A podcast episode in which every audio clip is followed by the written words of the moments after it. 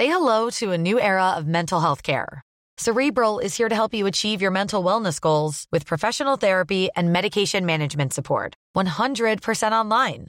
You'll experience the all new Cerebral Way, an innovative approach to mental wellness designed around you. You'll get a personalized treatment plan from a therapist, prescriber, or both in a safe and judgment free space. Your cerebral therapist or prescriber will outline a customized plan with clear milestones along the way so you can get to feeling your best. With Cerebral, you're not alone in your mental health journey. We're here to empower you to live a fulfilling life. So take that first step towards a brighter future and sign up today at cerebral.com slash podcast and use code ACAST to get 15% off your first month. Offer only valid on monthly plans. Other exclusions may apply. Offer ends July 31st, 2024. See site for details. Getting engaged is a moment worth cherishing. A one of a kind ring that you design at Blue Nile can help your love sparkle. Just choose your diamond and setting. When you found the one, you'll get it delivered right to your door. Finding the right engagement ring can be nerve wracking. At Blue Nile, you'll have the expert guidance needed and a diamond guarantee that ensures you're getting the highest quality at the best price. Cherish all of life's moments and save up to 30% at BlueNile.com. That's BlueNile.com.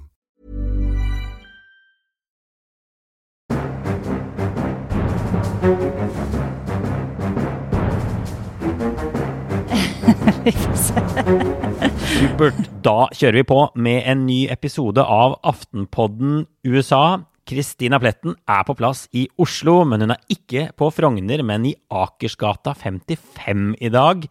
Eh, I et litt sånn grå og triste omgivelser, men bak deg så står det 'Har du trua'? Ja, jeg sitter nå i Har du trua? Vi får se, vi får se. Jeg sitter i studio til Aftenpodden, et uh, litt sånn provisorisk studio. Vi har jo bygget om her i A55, og denne uken er det liksom sånn reunion i redaksjonen, Ja. og redaktørene har stekt vafler, og vi har hatt barista, og det har liksom vært en sånn uh, reintroduksjon til uh, normale arbeidslivet, da, så, så det har vært veldig kjekt. Uh, Foreløpig er det bare tirsdag, så det kan jo fortsatt endre seg i løpet av uken, men foreløpig så er det i hvert fall veldig hyggelig å treffe alle igjen og, og være tilbake på jobb. Ja, du har ikke fått noen menneskesjokk ennå? Litt menneskesjokk har det vært, men bare Men fortsatt, på positive sjokk. Men du har fortsatt trua. Vi får satse på at du beholder den også noen dager til, da. Ja da, Ja. det skal vi klare. Jeg er jo ikke i, eh, på Manhattan, sånn som jeg pleier. Jeg er altså USA-korrespondent Øystein Langberg. Jeg har forflyttet meg til Charleston i South Carolina. Dette er en sånn litt sånn kombinert jobbe- og høstferie. Så jeg skal gjøre masse gøy på den turen. Jeg skal gå litt tur i fjellet og, og mange ting. Men jeg må bare si at Charleston, og jeg har hatt eh, et døgn her, utrolig fin by. Det må liksom være på konkurransen til en av USAs aller sånn vakreste, mest historiske byer. Det er jo stort sett vanskelig å finne en bygning fra før 1950 i USA, men her er det liksom ordentlig gamle ting. Ja, veldig, veldig, veldig flott by, og med masse historie, masse interessant historie, og hele, hele den historien om slaveriet i USA begynte jo egentlig i Charleston og Savannah litt lenger sør, så det er absolutt sånn sted som alle USA-interesserte en eller annen gang bør besøke. Ja, det tenker jeg også. Og borgerkrigen starta rett ut i fjorden her, på Fort Sumter. Så det er liksom mange ting. Jeg var innom et sånt eh, slavemarked i går, faktisk. Old Slave Mart. eh, Hvor det var en, eh, en afrikansk-amerikansk dame som fortalte om et salg. Der gjør det jo masse sånn slavesalg av eh, 270 slaver. Og det som overraska meg, da, var at de hadde liksom prisen på alle. Det nest dyreste de solgte, var ikke en mann i sin beste alder, men en jente på 15 år. Som ble solgt for noe sånt som 400 000 kroner da, i dagens penger. Jeg var litt sånn, jeg tenkte litt, jeg skjønte ikke helt hva det var som hadde skjedd, men hun skulle selvfølgelig da brukes til avl, som hun kalte det, hun dama. Ikke sant? Idet hun eh, går inn i puberteten, så kan hun liksom levere barn i mange, mange år fremover. Det er bare helt sånn hjerteskjærende eh, detaljer og ting som man, ja, uff. Ja, og samtidig så er jo også Charleston eh, et sted der man kan fortsatt finne spor av det hvite USAs undertrykkelse. Det er f.eks. veldig lite monumenter rundt i byen av eh, det, slavehistorien. Det er veldig mye fortsatt sånn borgerkrigshelter fra sørstatene, og det preger jo fortsatt det offentlige bildet, da, på mange måter. Så det er, det er også interessant på den måten. Ja, masse plantasjer rundt der. Jeg skal ut på den etterpå. Mm. Mitt inntrykk er at noen av plantasjene har virkelig tatt et oppgjør og gjort det til en sånn introduksjon i slaveri, mens andre er, er litt opptatt av andre ting. Og de har disse bryllupene på disse plantasjene. Det er masse debatter rundt disse tingene fortsatt i USA om hvordan man skal liksom behandle de stedene som jo også er bygget på, på slavearbeid. Eh, men det blir ja, veldig interessant. Vi skal ikke hovedsakelig snakke om, om slaver, vi skal snakke om minoritetsamerikanere i, i dag.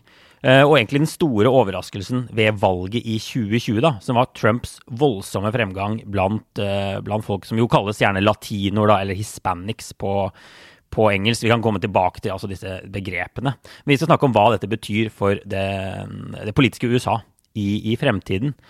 Men først så skal vi ta en runde med, med siden sist, men også før det igjen så får vi si at vi har laget en Facebook-gruppe Uh, En lukket Facebook-gruppe, da, så man må bli, må bli medlem. Men alle som søker, får bli medlem så lenge de oppfører seg. Og Den gruppa heter Aftenpodden USA.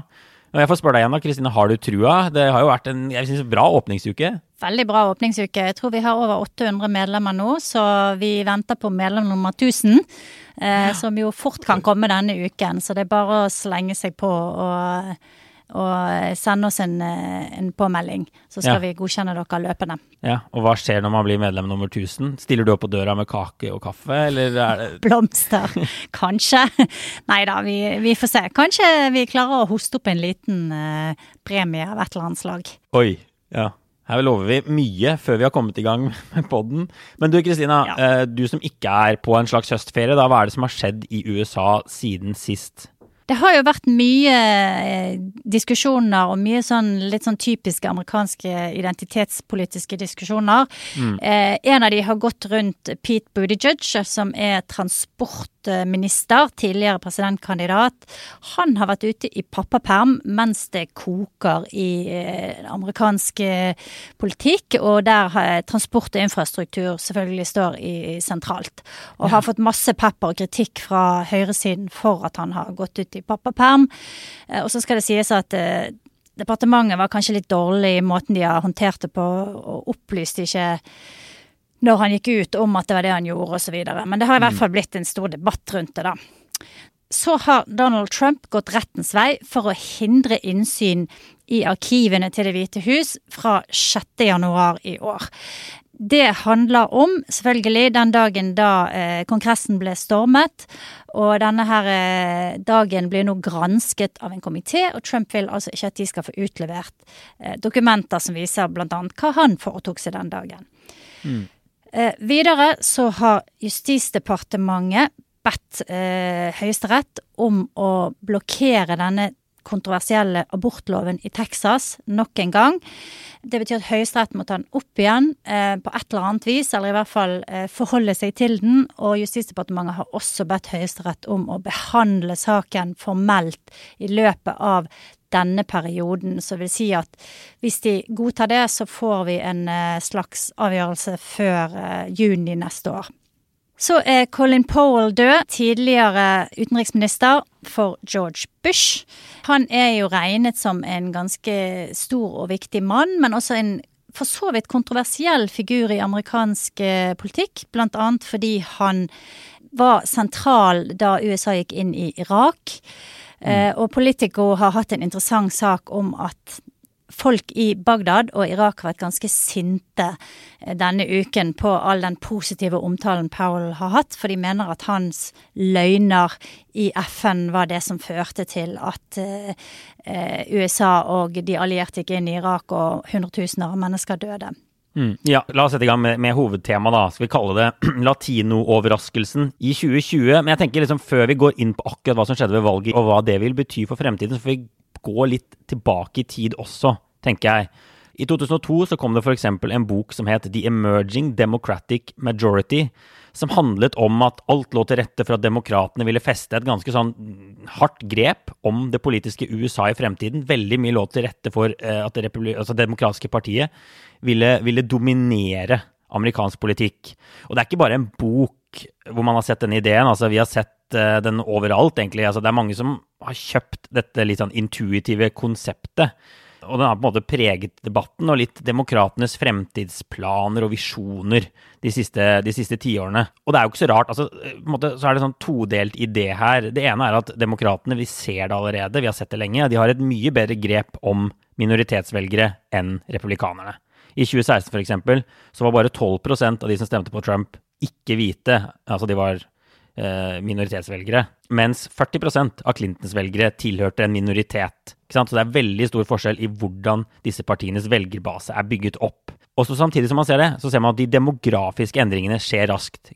USA blir mer urbant, flere tar høyere utdanning, og ikke minst, USA blir mindre hvitt og langt mer mangfoldig. da. Og Det er de to tingene der sammen som er på en måte ideen om eh, demokratenes store fremtidsfordel, da, egentlig. Ja, og eh, særlig etter eh, at Obama vant i 2008 og demokratene tok liksom the full sweep. De fikk eh, kontroll over både Senatet og Representantenes hus og Det hvite hus. Og da var det masse sånn snakk om har demokratene vunnet for godt og vil bli umulig for republikanerne i fremtiden og i det hele tatt vinne noe valg ja. fordi at de hadde demografien sånn imot seg, da. Og også fordi at republikanerne egentlig har drevet en politikk som mange trodde var eh, politisk selvmord, fordi at de har på en måte bare gått lenger og lenger inn i den der hvite identitetspolitikken istedenfor å forsøke å få et bredere fotfeste. Men så har det jo vist seg at uh, det ble ikke helt sånn som folk uh, trodde og spådde. Um, republikanerne har kommet tilbake. De har vært smarte på mange måter i, må i måten de har eh, skaffet seg eh, fotfeste i forskjellige grupper av befolkningen. Eh, mm. De har spesielt vært gode til å nå gjennom til arbeiderklassen, den såkalt tradisjonelle arbeiderklassen, som tidligere demokratene har hatt et godt grep om. Ohio er et veldig godt eksempel der eh, det har vært en vippestat i veldig mange år, men det er nå en sånn ganske langt eh, inn i, på høyresiden eh, republikansk stat. Så dette er også en historie om forskjellige tilnærminger til politikk, da. Det er en innmari interessant, eh, interessant utvikling hvis du ser på de siste, siste 12-15 årene. Ja, så, så, Trump var definitivt liksom ødela litt for den teorien, men den har på en måte ikke mm. blitt helt uh, tatt livet av heller. Noen har jo tenkt på Trump som en sånn siste gangen republikanerne ville klare å, å vinne med så mange hvite velgere, da at partiet før eller siden må gjøre noe liksom, drastisk for å nå ut til minoritetsvelgere. Eh, men, men, Trump visste jo at det er altså, Vi kan jo ta litt av USAs demografi i dag, men Trump viser jo at det er fortsatt nok hvite velgere, og ganske mange Han fikk jo en del opp av sofaen som ikke stemte tidligere heller, og det var jo på en måte til å løfte han til seier, da. I 2016 Trump gjorde det ikke spesielt godt blant minoriteter da. Så det var jo som sagt noen demokrater som tenkte at det er liksom siste, siste skrik fra fortiden med Trump. Det han fikk til i 2016, vil ikke la seg gjøre igjen i fremtiden, da. Eh, men hvis man ser bare på demografien Det var jo vært en sånn folketelling i USA i år. Eh, I fjor var det, men tallene kom i år. Altså US Census Bureau kom med sine anslag på hvordan den amerikanske befolkningen er satt i sammen. Og Hvis man går tilbake til 1970, så var 79 eh, hvite av USAs befolkning. I dag er det 58% og innen 2050 så regner man med at for første gang så vil altså hvite ikke lenger utgjøre halvparten av USAs befolkning. Da. De vil være i, i mindretall. Som jo er et konsept som er ganske sånn kjent, eh, som heter majority minority. Altså at den, De hvite vil fortsatt være den største gruppa, men de vil ikke være, utgjøre halvparten av befolkningen lenger. Eh, mm. Og det er jo på en måte et konsept som både er blitt brukt av høyresiden til å skremme, men også til noen til å tegne liksom, et bilde av fremtidens USA da, og hvordan ting vil se ut. Det er ingen tvil om at endringene skjer ganske raskt. Ja, og det er jo stadig flere stater der uh, hvite ikke lenger er i flertall. F.eks. Uh, Texas og California, de to største uh, delstatene, eller i hvert fall mest folkerike delstatene i USA, da. Mm. Og så har det jo vært liksom diskusjon om diskusjonen. Skal det være lov å snakke om dette her? Noen eh, litt sånn langt ut på venstresiden mener at dette her ikke bør være et tema, fordi at det skaper sånn hvit angst, som de kaller det for. Ja. der man liksom nører opp unødig eh, frykt for eh, Ja, for denne endringen, og også kanskje eh, hva skal jeg si, eh, gir liv til sånne konspirasjonsteorier om dette her the great replacement. Altså det Mm. at, at man med vilje driver og bytter ut den hvite befolkningen med innvandrere og sånne ting. Eh, men det er jo en utvikling som skjer, og den skjer ganske raskt i USA. Også fordi at eh, særlig hispanics og eh, asiater får eh, flere barn. Barnetallene hos hvite amerikanere er ganske lave. De går ned, altså fødselsraten. Eh, og, eh, og de er også eldre. Sånn at den, det, det også speeder opp denne utviklingen, da. Jeg var en tur nå i, i, helt på sørgrensa til Texas mot Mexico der, og der intervjuet jeg helt tilfeldige folk. Jeg husker jeg intervjuet en firebarnsfar, en seksbarnsfar og en var det fire- eller fembarnsmor. Det var de liksom, tilfeldige folkene jeg bare traff på gata. Så, så det viser jo noe av liksom, kulturforskjellene her. Og dette var da alle folk som, som kaller seg latinoer, da. Vi får ta det, de begrepene. altså. De kalles gjerne latino Ja. slash hispanic, og det er ikke akkurat de samme tingene. Latino, da er det ofte av eh, Det betyr jo bare at man er en person hvor man har familiebakgrunn fra et land i Latin-Amerika. Mens hispanic har vi ofte oversatt med spanskættet. Ingen sier at disse, disse kategoriene er perfekte overhodet. Men det er de som brukes, og de, og de sier på en måte noe om utviklingen, men de sier ikke alt. Vi får bare si det sånn. Ja, og det er jo veldig upresist, for det er jo liksom Spansktalende er vel kanskje det nærmeste man kommer, da.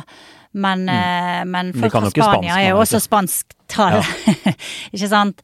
Eh, og folk fra, fra liksom Sør-Amerika er spansktalende. Så det, det er et upresist begrep, men, eh, men det er nå det, er nå det som brukes. Så Ja. jeg, jeg tenker vel at uh, latino er vel kanskje det beste, og det som brukes mest nå, ikke det det? Det brukes litt sånn hip som haps med hispanic, men uh, Ja. ja det brukes ikke hip som haps. Latin-X er det òg noen som snakker om. Ja, det er også noen som snakker om. Det er jo da både latina og latino slått sammen, altså, og, og, og Ja. andre typer kjønnskategorier som er liksom en fremtidsbegrep, latinx. Men hvis vi bare tar Ja. og sensus viser nå, da, før vi går inn på denne overraskelsen i 2020, så, så viser liksom de Mm. siste tallene i eh, 2020 så var 58% av befolkningen hvit, det som da kalles non-hispanic white, altså hvit uten hispa, hispanic bakgrunn. 19 mm. av befolkningen var latinoer, så det betyr at latino er nå den desidert eh, altså, største minoritetsgruppen i USA. 19 mm. 12% var svarte. Svarte har vært 12% siden 80-tallet. Det har ligget ganske flatt der. Det blir, de utgjør ikke en større andel av befolkningen. Og så ser vi at asiatiske amerikanere utgjør en større og større andel. De er fortsatt ikke veldig store, men nå utgjør de altså 6% ifølge, ifølge denne sensusen. Så det er sammensetningen av USA per nå. Um, Men det er jo også en litt sånn der rar For eksempel svarte da, eller afroamerikanere består jo også av de som er etterkommere av slaver. Det består av folk som kommer fra eh, Karibien, f.eks. fra Haiti. Og det består av nye innvandrere fra Afrika, f.eks.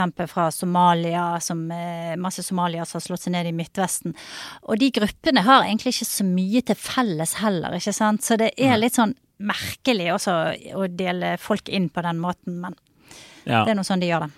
Det er i hvert fall et bilde på at USA raskt blir mer mangfoldig. Det er, det er Ja. det det ikke er noen tvil om her. Og så kan man også si masse 19% latino. Det er utrolig mye forskjellige men, folkeslag, menneskegrupper. Noen tenker seg helt sikkert på som bare vanlig hvite inni den gruppa. De regner seg ikke som latino i det. Det er veldig mye forskjellige inni disse gruppene. Men, men ideen har i hvert fall vært at et mye mer mangfoldig USA vil løfte Det demokratiske partiet til seier. Og så kom dette presidentvalget i 2020, hvor jo Joe Biden vant. Det er det ingen tvil om. Men én trend som kom bare sånn helt tydelig veldig tidlig på kvelden, var at Donald Trump stormet frem i områder med et stort innslag av latinoer. Florida var et stort eksempel på det. Også sør i Texas så så vi det. Men velgerundersøkelser har siden vist at det var ikke bare et særegent fenomen for Texas og Florida. Trump gikk frem blant latinoer over hele fjøla i, eh, i USA. Og det tok en del folk litt på senga. Det var liksom, Noen hadde snakket om det på forhånd, men få hadde sett den trenden der komme, den mottrenden der komme. Og jeg tror det var sånn særlig overraskende fordi Trump jo på en måte ikke akkurat fremsto som noen venn av latinoer i noen av presidentvalgene. Altså Han snakket jo om han sammenlignet latinamerikanske, altså meksikanske innvandrere med voldtektsmenn da han lanserte sitt kandidatur i 2016 f.eks., eh, som jo har blitt trekket fram. Så mange trodde det var helt umulig at Trump kunne gjøre det såpass greit. Ja. Men dette handler jo òg litt om at den politiske venstresiden ofte binder seg litt opp i sånne forklaringsmodeller som ikke alltid er riktige. Og, og særlig når det gjelder sosioøkonomiske forhold, da, så, så, har man en tendens til å tenke at folk mm. vil f.eks. stemme i sin egen interesse, eller det som defineres som sin egen interesse, hvis du er fattig, eller hvis du bor i et område der det er mye eh, velferdsstat eh, ikke sant, som må støtte opp under, så vil du stemme demokratisk fordi at de er liksom eh, champions av, av, eh, sånne ordninger. Men det har jo vist seg gang på gang at det gjør folk nødvendigvis ikke. Og det beste eh, forklaringen på det da i USA er eh, den boken som heter What's the Matter with Kansas. Jeg vet ikke om jeg har eh, snakket om den her før, men eh, er, der går en journalist inn i sin egen hjemstat for å, å se på dette, her, hvorfor folk ikke stemmer eh, i sin egen interesse, da. Sin egen økonomiske interesse, da, for eksempel. Ikke, ja. I sin egen økonomiske interesse. Jeg var for øvrig på et sted i, i Wales etter brexit. Et, det var en sånn eh, kommune som fikk mest penger av EU av alle kommuner i hele EU. Kjempefattig kommune i Wales. Mm. Og der hadde nesten alle stemt for, for brexit. Eh, sant? Og det, det, er jo Det henger jo på en måte ikke på greip, men politiske valg handler jo om mer enn bare penger og, og på en måte hånd-til-munn-verdier, ikke sant. Det handler også om identitet, mm. og det handler om eh, personlige valg. Og jeg tror at eh, Trump, hans budskap, handlet jo ikke bare om anti-innvandring. Eh, ikke sant? Det handlet også om veldig mange andre ting som kanskje ikke ble trukket frem av media og av de som analyserte det fra venstresiden, da. Mm. Men det handlet kanskje om, eh, om, en del ting som nådde gjennom til disse velgergruppene.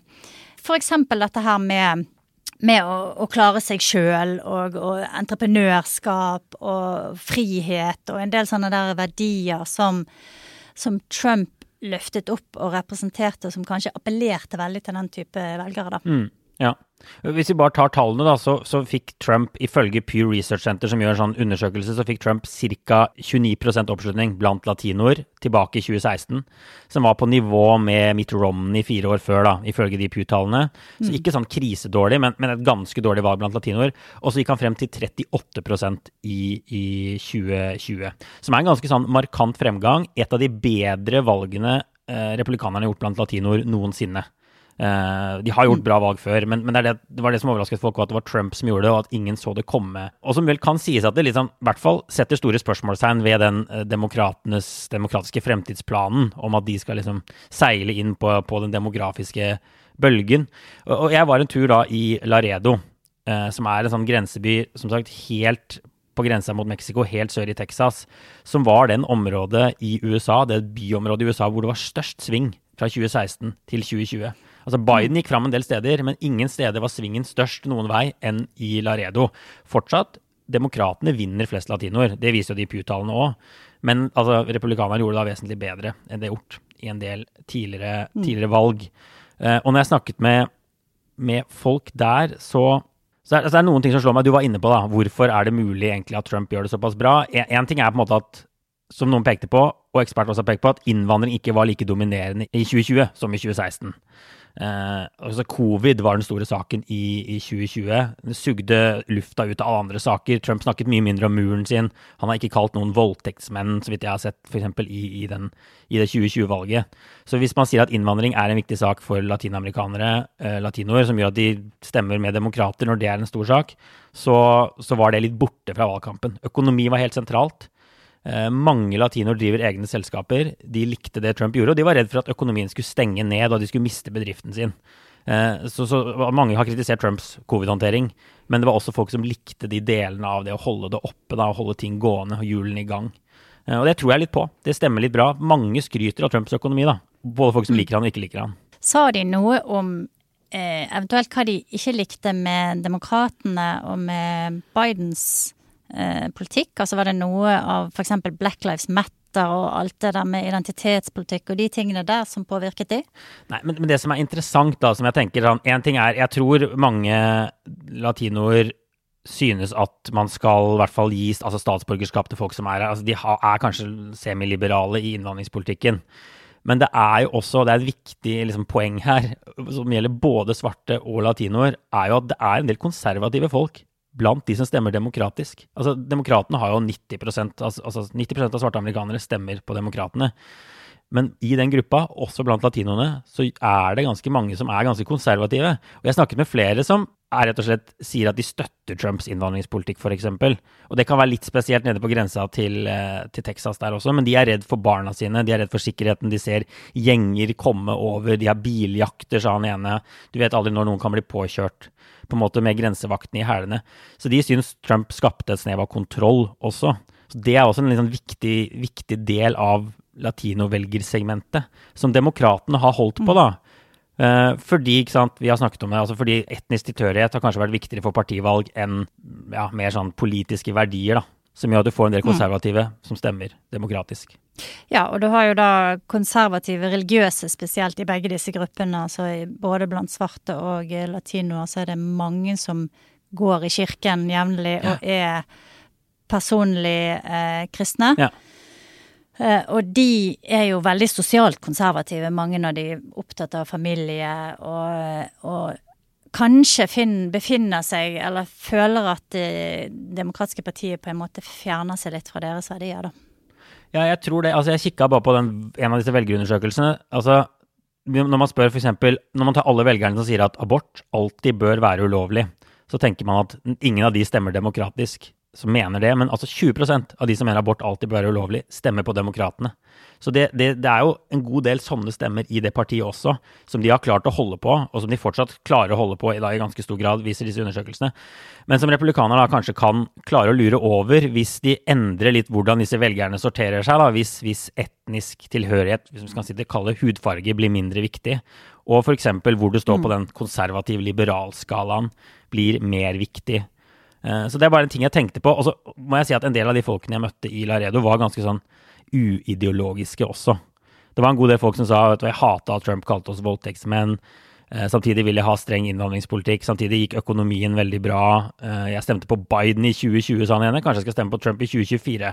Who knows, liksom. Så det var det interessant. Det er ikke sikkert alle har en sånn helt tydelig identitet, politisk identitet heller. Og at mange er litt sånn i midten.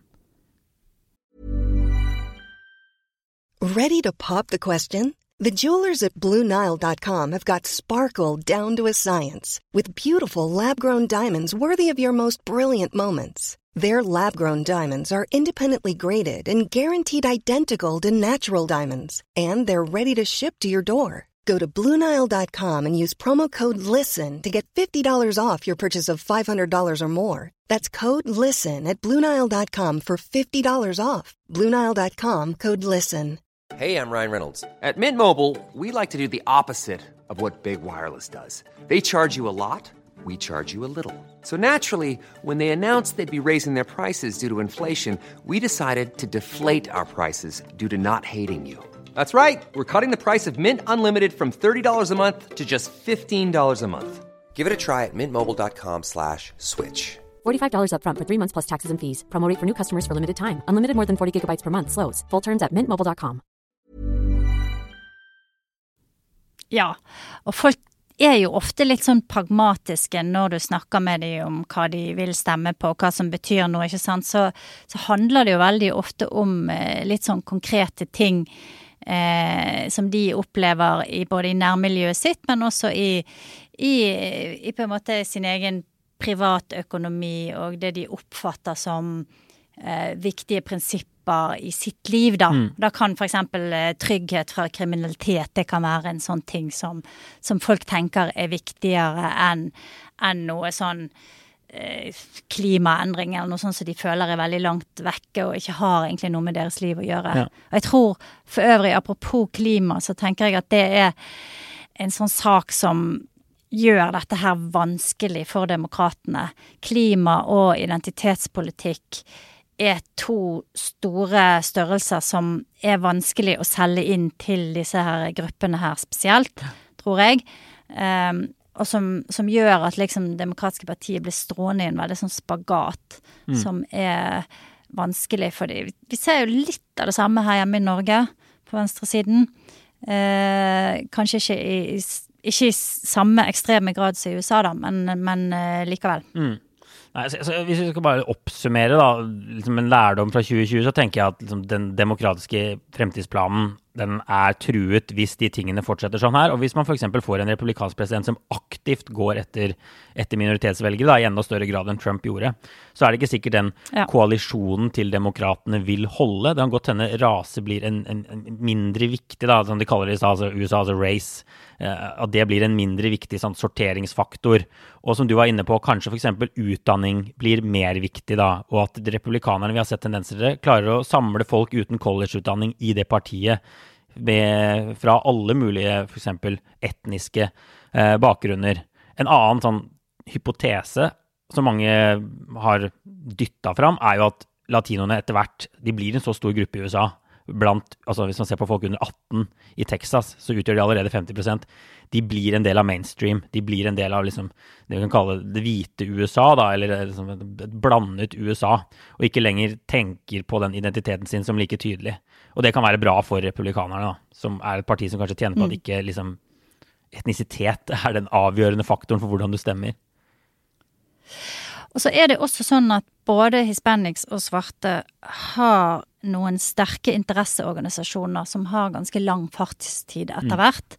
Mm. Det er organisasjoner som vokste ut av eh, borgerrettighetskampen på 60-70-tallet, og der det sitter en del sånne superveteraner, veldig sterke personligheter, som har på en måte beholdt den makten i nå i 50-60 år. Mm. Og ikke kanskje sluppet til så mye yngre generasjoner, ikke, ikke tatt inn over seg så mye endringer som de burde, da.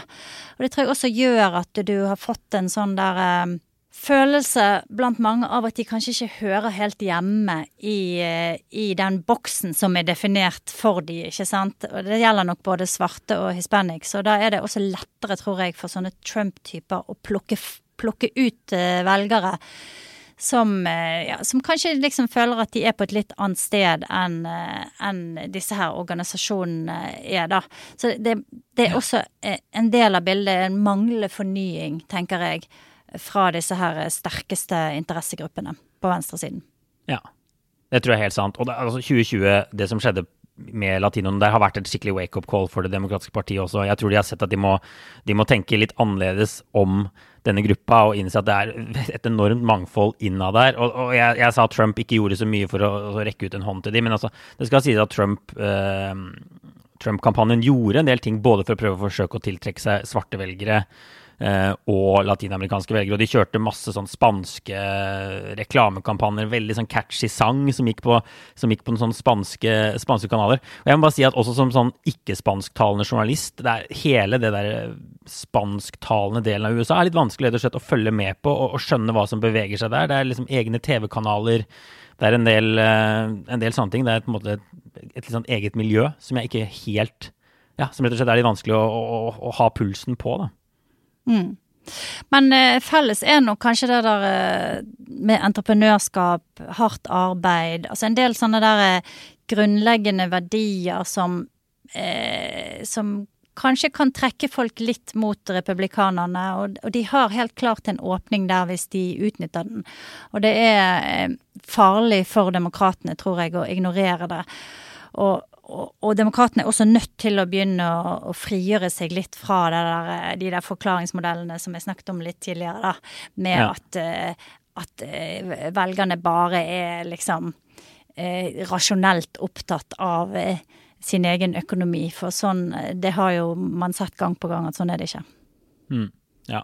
Nei, dette skal vi også definitivt fortsette å, å, følge med på, og det blir helt, selvfølgelig, altså helt avgjørende hvordan disse gruppene stemmer eh, de neste 10-15-20-30 årene for hvordan det politiske landskapet i USA kommer til å, å, se, å, se, ut.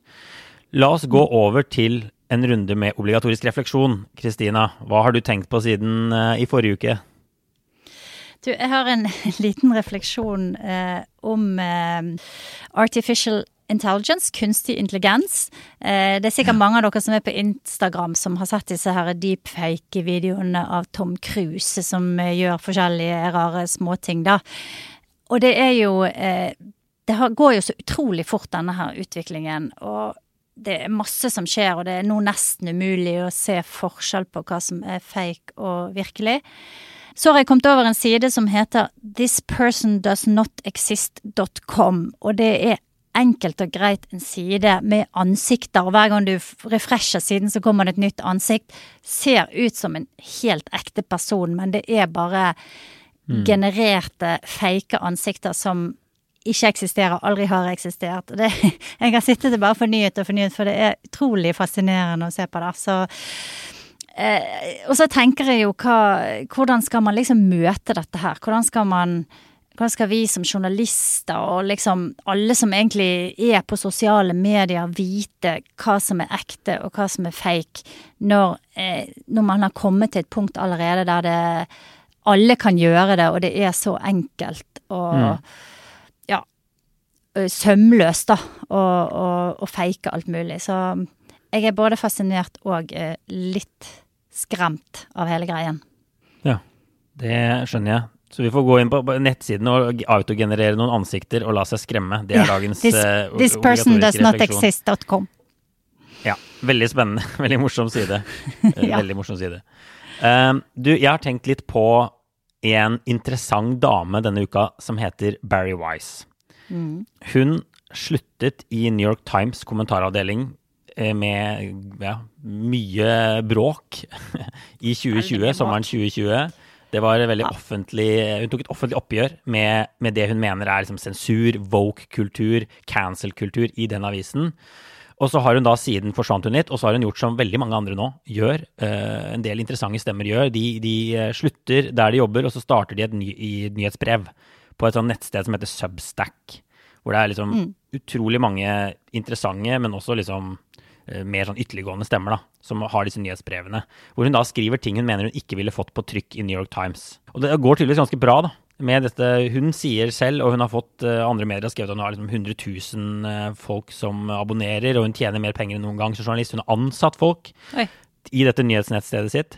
Og nå har den også dukket opp på flere podder. da. Jeg har hørt på to podder. En som heter Reliable Sources, med CNNs eh, Brian Stelter. Og så har jeg hørt på podden til Ben Shapiro, som står et stykke ut på, ut på høyresiden.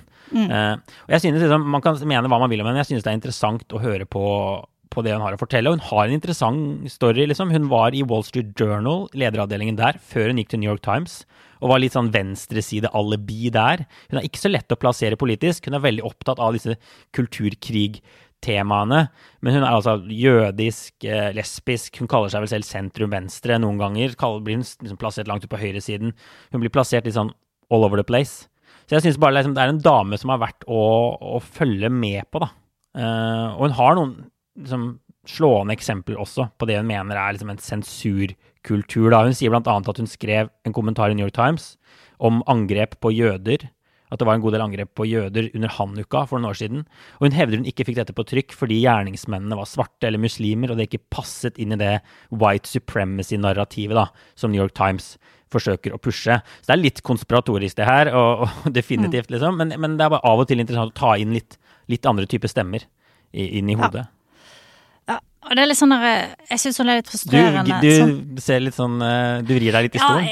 Ja, jeg, hun irriterer meg litt, og så samtidig så er jeg litt sånn enig med deg. Det er ting i det hun sier som er eh, interessant og, og, verdt å ta opp. Og, og sånt. Der er liksom en smuler av interessante ting, og så er det også veldig mye sånne der eh, drama queen, syns jeg, da. Mye sånn uh, altså, Men det preger hele denne debatten om woke og cancel culture. Det er, så, det er så mange folk som er så utrolig selvopptatte, som driver og krangler om dette her i sosiale medier og overalt. Og det ødelegger liksom hele debatten for meg, da. Fordi at det er så få, syns jeg, som klarer å, å se på det med litt sånn uh, halvnøytrale øyne og prøve mm. å se og så Ikke bare trekke frem og prøve å forsterke sine egne eh, perspektiver hele tiden. Mm. Eh, en av de som faktisk klarer det, er jo vår egen eh, Frank Rossavik, så jeg kan jo få pushe en av våre egne journalister eh, litt. Grann, da. Han skriver eh, ofte gode kommentarer om dette og klarer å liksom se begge sider. Men jeg syns det er veldig få som, som klarer det. Og Barry Wise er definitivt ikke en av de. Nei, altså hun, driver, hun, skal nok drive en slags krig eh, mot, mot woke-kultur og cancel-kultur på, den, på, mm. den, eh, på det nettstedet sitt på Substack. Men hun er i hvert fall interessant fordi hun ikke er plassert så langt ut på høyresiden. da nødvendigvis. Hun er på en måte hun hevder i hvert fall selv at hun står i sentrum, men likevel er opptatt av disse temaene som, eh, mm. som andre medier ikke vil skrive om eller gå inn i, da, for de ikke synes det er viktig nok og stort nok.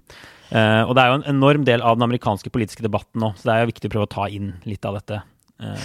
Absolutt, absolutt. Og hun er jo litt sånn som Camille Paglia var på, på 90-tallet, og hun holder vel også fortsatt på, er litt sånn vanskelig å plassere, og, og, og litt sånn provoserer med vilje og alt det der. Og, og, er smart og veldig skarp, da. Så det er jo mm. helt klart Altså, det er jo noe der. Jeg skal ikke, jeg skal ikke si det at eh, ikke, ikke les den, ikke hør på den, men bare husk på det at det liksom Ja, det er veldig, veldig uh, lite nyansert, syns jeg. Ja, veldig kontroversiell innad i New York Times og, og andre ja. steder. Men det går an å starte med den CNN-poden til Brian Stelter. Jeg skal legge ut lenke til begge disse OR-ene, mm. og så kan folk kanskje høre på, høre på, og gjøre opp sin egen mening om, om, denne dama og det hun driver med, da. Jeg tror vi setter strek der. Anbefaler alle å bare bli med i vår Facebook-gruppe Aftenpodden USA. Så kan vi fortsette diskusjonen der, og så ses vi og høres vi igjen om en uke på denne podden. Inntil da, ha det bra.